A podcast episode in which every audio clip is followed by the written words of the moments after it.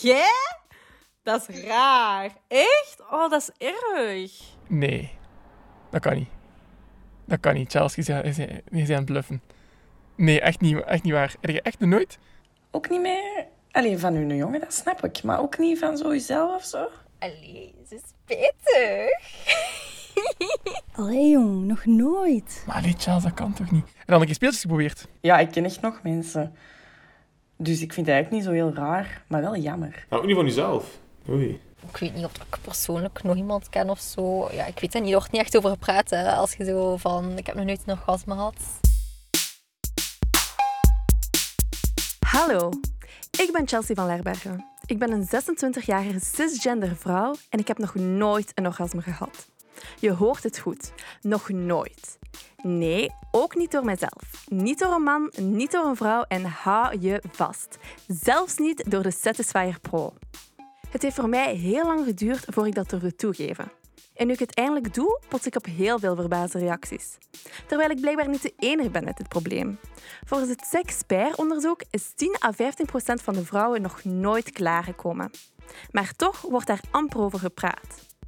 In wetenschappelijk onderzoek gaat het vaak over de term vrouw. Maar deze podcast is bedoeld voor alle personen met een vulva die orgasmeproblemen ervaren. Het vrouwelijk orgasme blijkt nog een groot taboe te zijn. Eentje waar veel misvattingen over bestaan. In deze podcast onderzoek ik de redenen waarom. En ik op zoek naar de oplossing. Want ik ben klaar om te komen. Klaar om te komen, de podcast. Met Chelsea van Lerbergen. Een zoektocht is natuurlijk moeilijk als je niet echt weet naar wat je precies op zoek bent. Ik heb urenlang gegoogeld op zoek naar een definitie. Want wat is klaarkomen precies en hoe voelt het? Omdat ik het nog nooit heb gehad, kan ik het mij heel moeilijk voorstellen. Woordenboek van Dalen omschrijft het als volle seksuele beleving. Bon, daar ben ik dus niet veel mee. Als ik filmpersonages en pornoactrices mag geloven, dan is een orgasme een bovennatuurlijke belevenis. Yes! Yes! Yes! Yes! Yes! Yes! Oh! Oh! Oh! Oh god. Het dak vliegt eraf, je trilt harder dan een boormachine en je squirt overal. Maar hoe voelt het nu echt? Een orgasme voor mij is het punt tijdens iets van seksuele activiteit waarin dat ik een gevoel heb dat heel hard versterkt en zich dan uitspreidt over heel mijn lichaam. Een hoogtepunt dat je bereikt. Een toppunt van ontlading. Iets dat heel leuk is ook.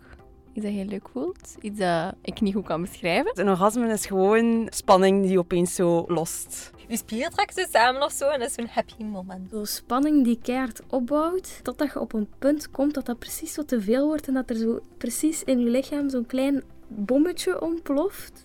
Een orgasme is voor mij een moment van compleet loslaten en jezelf overgeven aan je lichaam.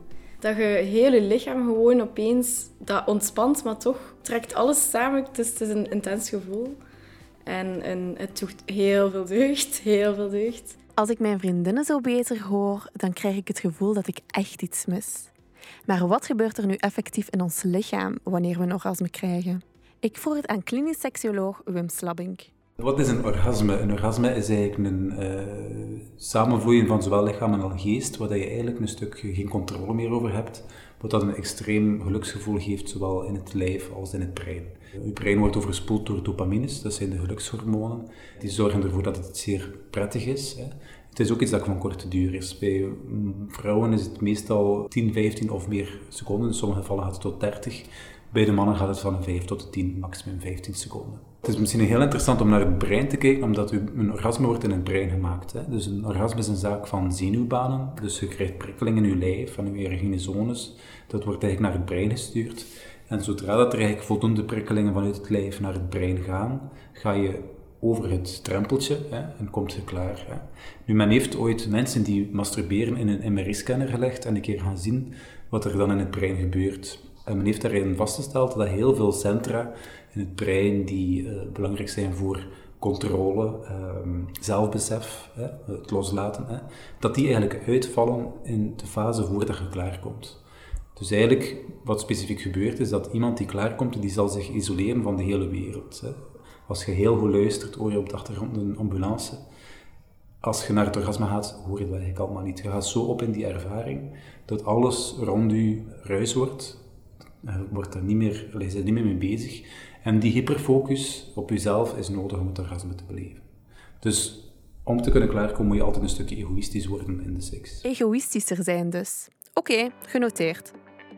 Wim werkte in 2016 mee aan een onderzoek van Charlie Magazine en Nieuwsblad Magazine. Daarin werd onderzocht hoe vrouwen hun seksualiteit beleven, zowel solo als met een partner. 3500 Vlaamse vrouwen namen deel aan de enquête. Het grote orgasmeonderzoek heette dat, waar we eigenlijk heel veel vrouwen bevraagd hebben op basis van vragenlijsten. Of ze al een orgasme hebben ervaren, uh, hoe vaak ze dat ervaren, of ze dat meestal ervaren met een partner of niet. En dat was eigenlijk uh, vanuit de, ja, de vaststelling dat veel vrouwen, zeker heteroseksuele vrouwen die met een uh, heteroseksuele man samen zijn, minder kans hebben om een orgasme te beleven. Dat is ook wat we noemen de orgasmekloof. Dus dat man, vrouwen minder kans maken om een orgasme te beleven in bed. Dus we wilden even zien van wat is de situatie in Vlaanderen en welke dingen liggen dan misschien onder die daar ook een rol in uh, spelen. Wel, van een stukje is de natuur daar een beetje de schuldige. Waarom? Penissen komen klaar door in een vagina uh, te zijn, door te penetreren en daar bewegingen te maken. Hè. Zo kunnen zij tot een orgasme komen. Maar vrouwen zijn anatomisch gezien niet zo goed bedeeld geweest. Ze zijn bedeeld geweest en ook goed, ze kunnen meestal allemaal klaarkomen.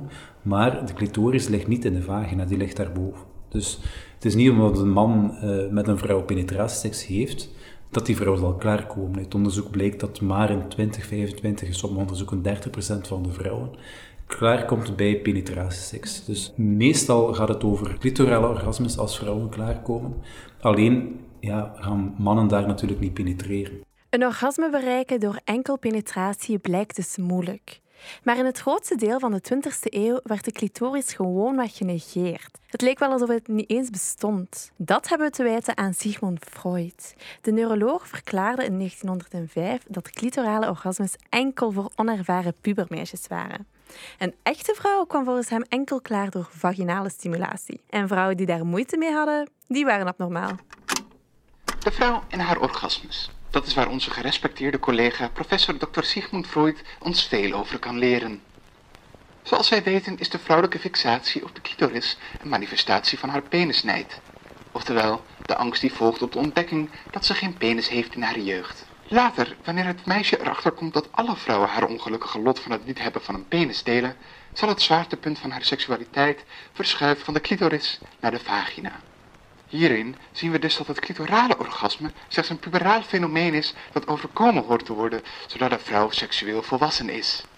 Het onvermogen om een vaginaal orgasme te krijgen kan ook leiden tot neuroses of hysterie. Pas in 1988 werd deze fabel ontkracht door seksonderzoekers William Masters en Virginia Johnson. Zij kwamen met de verlossende boodschap dat eigenlijk de clitoris de grote ster is in het vrouwelijk orgasme. Maar de clitoris wordt nog net iets te vaak aan haar lot overgelaten. En dat is een van de redenen van de orgasmekloof in heteroseksuele relaties. Uit onderzoek blijkt dat lesbische vrouwen vaker klaarkomen dan heteroseksuele vrouwen die met een man samen zijn. Ten eerste is dat opmerkelijk, omdat heel veel mannen of mensen dachten, ja, lesbische vrouwen die hebben minder seks. Blijkt dus niet zo te zijn. En als ze seks hebben, hebben ze inderdaad ook meer orgasmes. Nu, wat komt dat dat zo is? Ten eerste, eh, als een vrouw met een vrouw seks heeft, dan kennen zij elkaars lichaam de facto gewoon sowieso beter. Ze weten wat er prettig kan zijn, wat te veel prikkelend kan zijn. Dus ze, ze hebben meer aandacht voor elkaar. Maar blijkt ook dat uh, lesbische vrouwen meer tijd nemen in bed dan dat bijvoorbeeld een heteroseksuele man in bed zal nemen. Dus lesbische vrouwen weten dat het soms wat langer kan duren, maar vinden het ook helemaal niet erg. En weten ook hoe dat ze beter kunnen stimuleren. Dus dat is een één op één. Gelukkig blijkt uit het grote orgasmeonderzoek dat klaarkomen voor de meeste vrouwen geen probleem is. 9 op de 10 beleefden al ooit een orgasme. Maar 11% heeft nog nooit een orgasme ervaren of kan dat niet met zekerheid zeggen. Er zijn veel redenen waarom mensen niet klaarkomen. Eentje is dat prikkeling niet adequaat genoeg is, dus ze prikkelt niet op de juiste plaats of niet voldoende. Een ander kan zijn dat er misschien traumatische gebeurtenissen um, blokkeren en ervoor zorgen dat het eigenlijk heel moeilijk is om los te laten. Medicatie kan ook een impact hebben. Maar er zijn ook aanwijzingen dat er bijvoorbeeld wel een groep is van mensen die gewoon de facto niet kan uh, klaarkomen. Dus dat er geen logische reden is waarom iets zo is, maar dat het nu eenmaal zo is. Anorgasmie heet dat. De meeste mensen met anorgasmie raken er na verloop van tijd wel van af. Er zijn oplossingen voor. En mensen staan in de rij om je tips te geven. How to make a woman orgasm.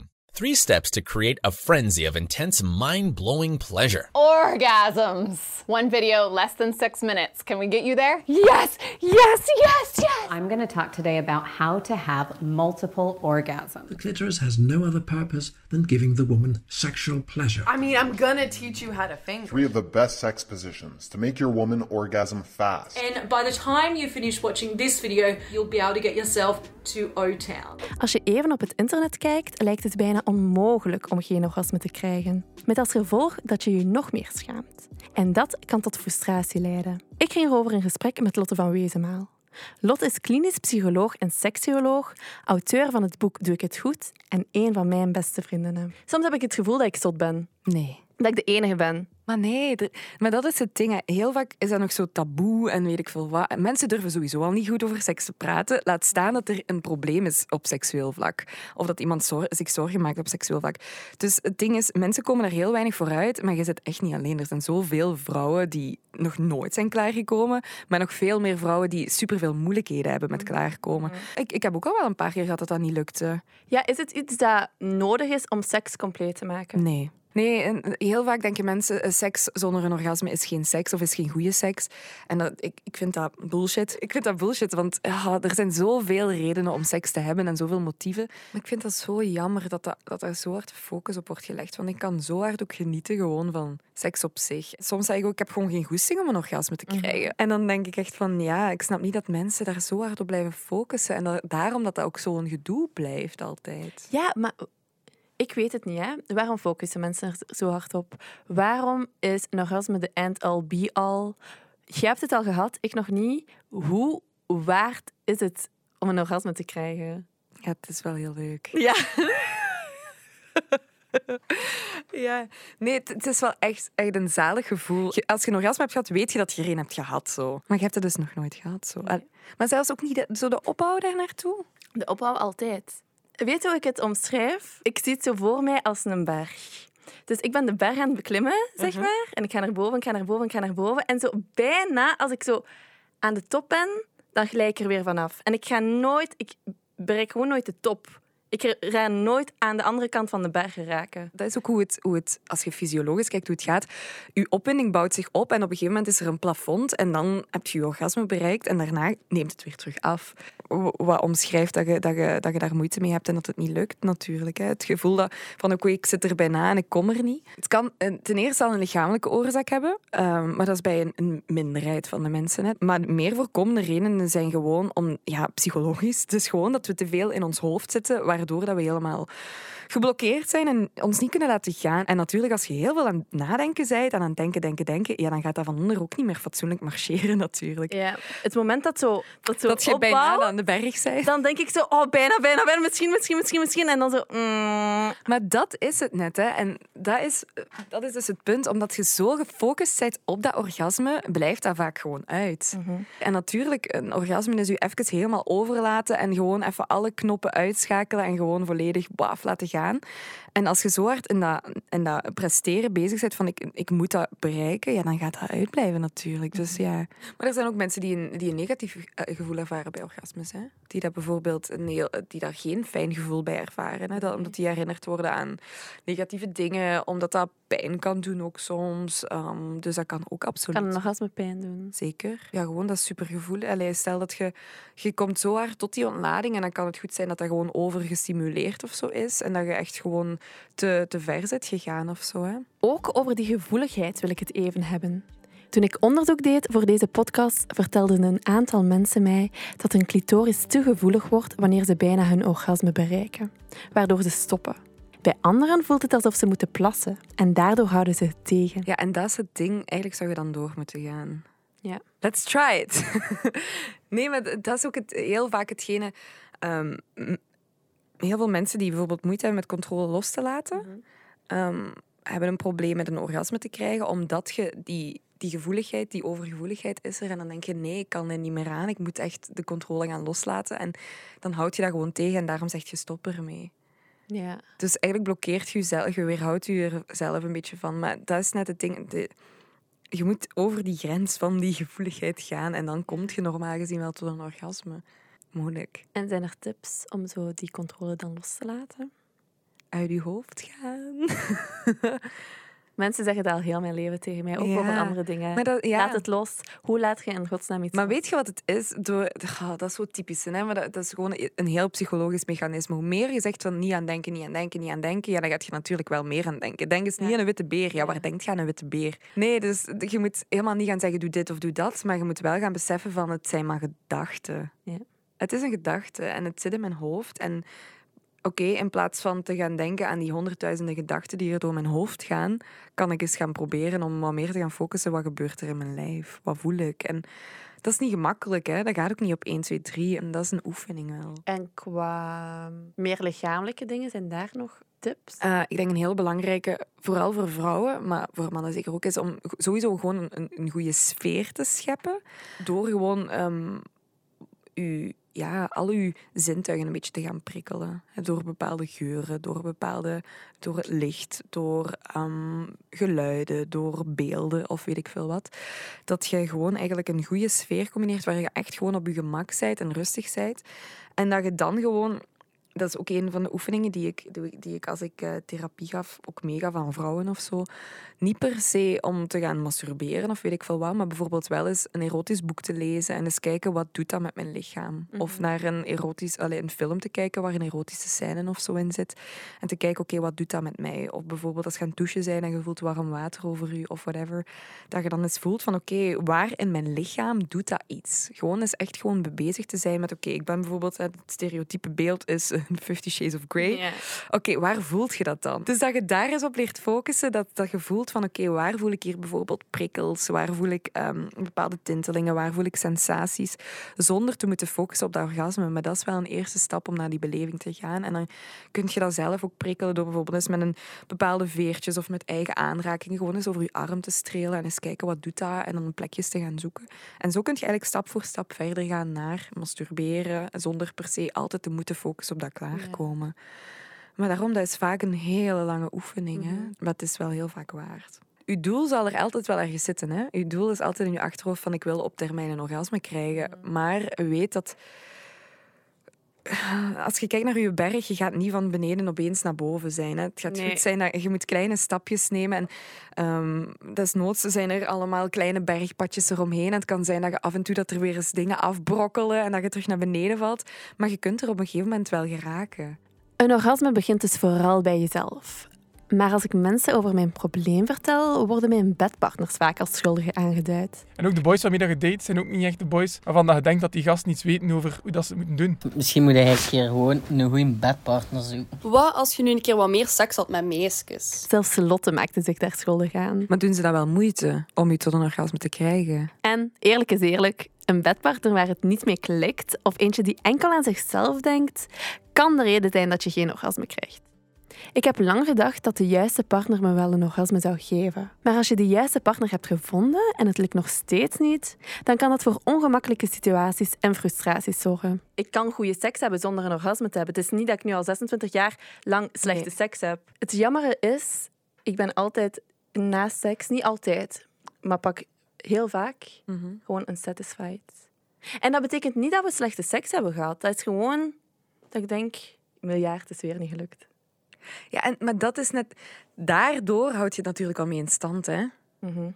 Want dan gaat het weer, een, weer een, een doel zijn om dat orgasme te krijgen. En door je daar zo hard op te gaan focussen, gaat het weer niet lukken de volgende keer. En omgekeerd. En ik bedoel, is uw bedpartner dan ook zo van... Ah, fuck, Chelsea krijgt geen orgasme. Um, allee, zorgt er dan ook niet voor rare vibes?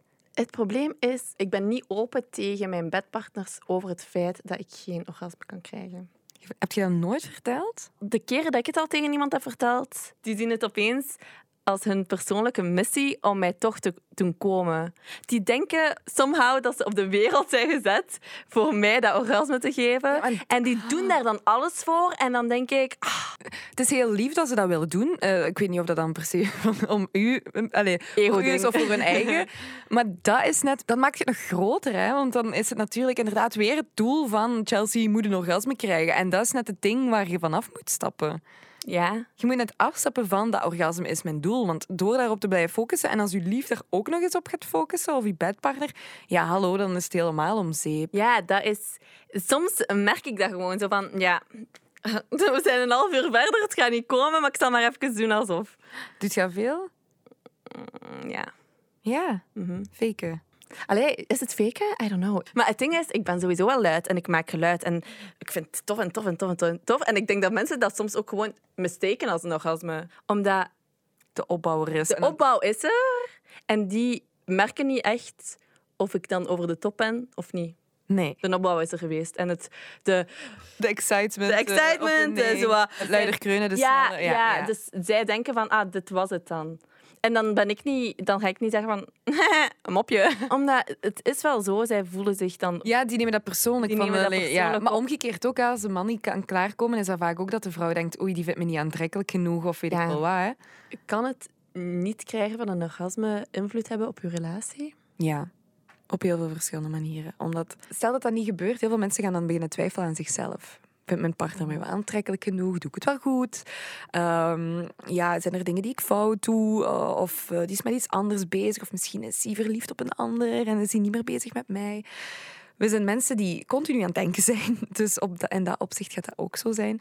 Dus dan gaat dat sowieso wel weer een invloed hebben op je relatie. Omdat je langs twee kanten dan met heel veel moeilijkheden en heel veel gedachten en pieker, eh, piekerdingen zit. Ehm, en natuurlijk ook, stel dat het moeilijk is om een orgasme te krijgen, ehm, gaat je misschien op den duur ook denken van ik wil het gewoon niet meer. Ik heb zelfs geen zin meer in seks, want het is iedere keer zo'n opgave en zo'n strijd om te moeten kunnen klaarkomen. En dan gaat je partner misschien alleen nog maar meer denken van ah, ziet, nu wil hij zelfs al geen seks meer. Er is echt iets. En dat gaat er natuurlijk voor zorgen dat er wel wat spanning kan zijn en dat er wel wat problemen kan hebben.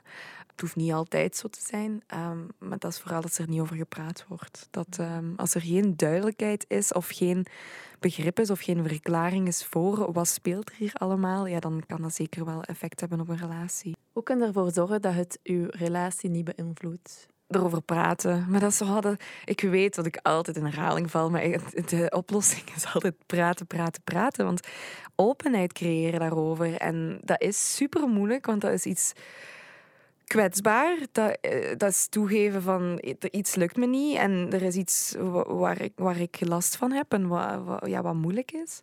Maar daarover praten is zo belangrijk en liefst ook zo snel mogelijk gewoon. Want anders dan gaat je weer de hele rotzooi en de zever en het drama krijgen dat als je dat na zes maanden of na een jaar of na vijf jaar of na tien jaar vertelt en zegt van ik heb daar eigenlijk moeite mee.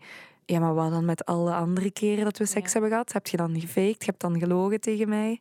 Ik weet niet. Heb je... Allee, Ja, dat was mijn probleem bij mijn eh, vorige relatie. ja. Ja, de eerste keren heb ik maar gewoon gedaan alsof. De eerste keer leek dat ook gewoon alsof dat bij één keer ging blijven. En dan hops, opeens zagen we elkaar elke dag, zagen we elkaar vaak. En dan, dan hadden we al, al die keren seks gehad. En dan heb ik gewoon nooit de moed gehad om te zeggen van... Schat, eigenlijk, het lukt niet. Ik was ook in mijn relatie, was ik de hele tijd aan het denken, het komt wel. en in die relatie is het ook één keer geweest dat ik echt dacht van, "Mm, we zijn er. Ja. En dan is hij gestopt. Oh nee. Ik was zo, wauw, het gaat gebeuren. En dan zo, mm, pum, pum, pum, pum. nee. Ik kon toen niet tegen hem vertellen van, oh my god, ik denk dat ik, mijn, dat ik bijna mijn eerste orgasme heb gehad. Want hij wist het niet. Ah ja. En daarom is het belangrijk om daar zo rap mogelijk gewoon over te babbelen. Maar hoe pak ik dat dan in het vervolg beter aan? Ik weet dat dat heel moeilijk is, hè, maar ik zou gewoon zo rap mogelijk open kaart spelen met je partner. En dat is super moeilijk, want dat is praten over iets waar je je misschien verschaamt, je onzeker over voelt. Iets wat heel diep van binnen ligt en wat heel kwetsbaar is. Maar ik zou het zo rap mogelijk vertellen, want hoe langer dat je ermee wacht, hoe moeilijker het wordt en hoe meer ehm, verwarring dat kan veroorzaken. En ik zou gewoon echt gewoon zeggen van ja, kijk, ehm, zo rap mogelijk als jullie samen zijn of zo. En het moment er is dat jullie al, allebei rustig zijn, dat je gewoon het gesprek daarover aangaat. Het is natuurlijk wel moeilijk in een beginnende relatie om direct dat te gooien. Maar waarom? Omdat je in een beginnende relatie is er wel vertrouwen, maar niet zoveel vertrouwen.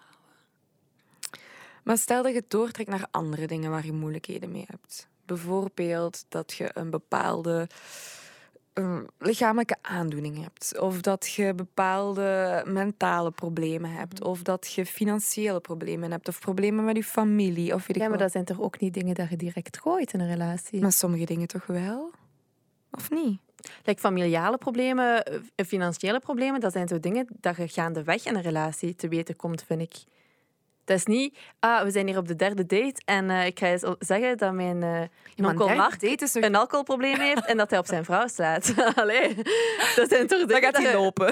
ja, ah, wel, dan gaat hij lopen. Maar door zo natuurlijk te gaan denken, gaan we heel het taboe mee in Mhm, stand houden. We delen ook van, ik heb bijvoorbeeld, ehm, ik heb af en toe wel eens last van ingegroeide haren, of I don't know, of ik heb diabetes, of ik heb ehm, reuma, of ik heb astma, of ik weet ik veel wat. Dan denk ik ook van, waarom kunnen we ook niet gewoon delen van, ik heb problemen met een orgasme te krijgen. Oké, dat is niet iets wat je zomaar in de groep gooit, dat hoeft ook niet. Maar het is wel iets wat je op een rustige manier kunt bespreken. Net alsof dat je Ehm, dat is nu een ander, een, iets anders, maar je bespreekt ook als je bepaalde seksuele fantasieën of zo hebt, dat kun je ook op het begin van een relatie bespreken. Dat is misschien een volgende keer. Wie weet, tegen dan lukt het u. Oeh, eigenlijk dat is de goal, hè? De goal. Ja, maar nee, we mogen er geen goal Nee, van maken. ah, sorry. De goal is om te leren genieten van je lichaam en de beleving. En wat komt, dat komt. Het is mooi meegenomen. Met een partner erover praten kan dus moeilijk zijn. Maar soms is het gewoon al moeilijk om er überhaupt met iemand over te praten. De verbaasde reacties die ik vaak krijg, tonen aan dat het vrouwelijk orgasme nog steeds een gigantisch taboe is. omdat, dat, ja, omdat er in de, ik denk in de media, in de porno en weet ik veel wat, daar ook zo hard op gefocust wordt als main goal.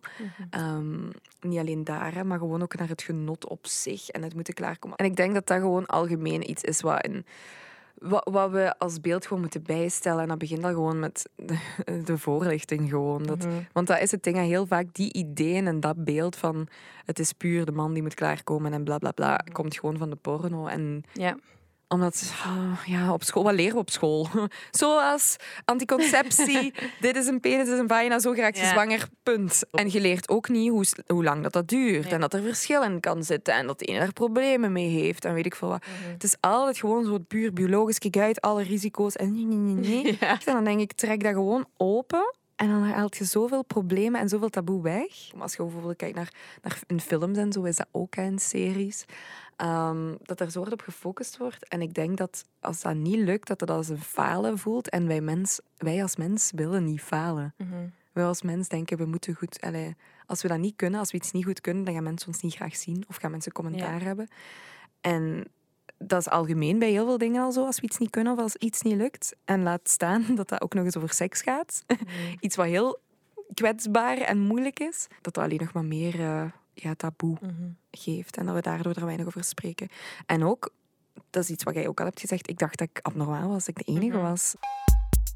Als jij iemand bent die moeite heeft met klaarkomen, dan wil ik dat je weet, je bent niet de enige. En besef, volgens experts is anorgasmie niet voor eeuwig. In veel gevallen kun je er wat aan doen. Ga zelf op ontdekkingstocht en ga op zoek naar wat je zelf leuk vindt. Focus niet enkel op de bestemming, maar geniet vooral van de reis. Wees lief voor je lichaam en geef het tijd. Als je denkt dat een schokkende of traumatische gebeurtenis de reden is voor je anorgasmie, kan psychologische begeleiding nodig zijn om een oplossing te vinden. Als je denkt dat er een medische reden achter zit, contacteer dan een arts, gynaecoloog of seksuoloog. Wat ik hoop dat je meeneemt uit deze aflevering is: er is niets om je over te schamen. En vooral, wees niet bang om erover te praten. Het komt goed. Het komt goed. Je bent niet alleen de berg aan het beklimmen. Er zijn nog allemaal toeristjes.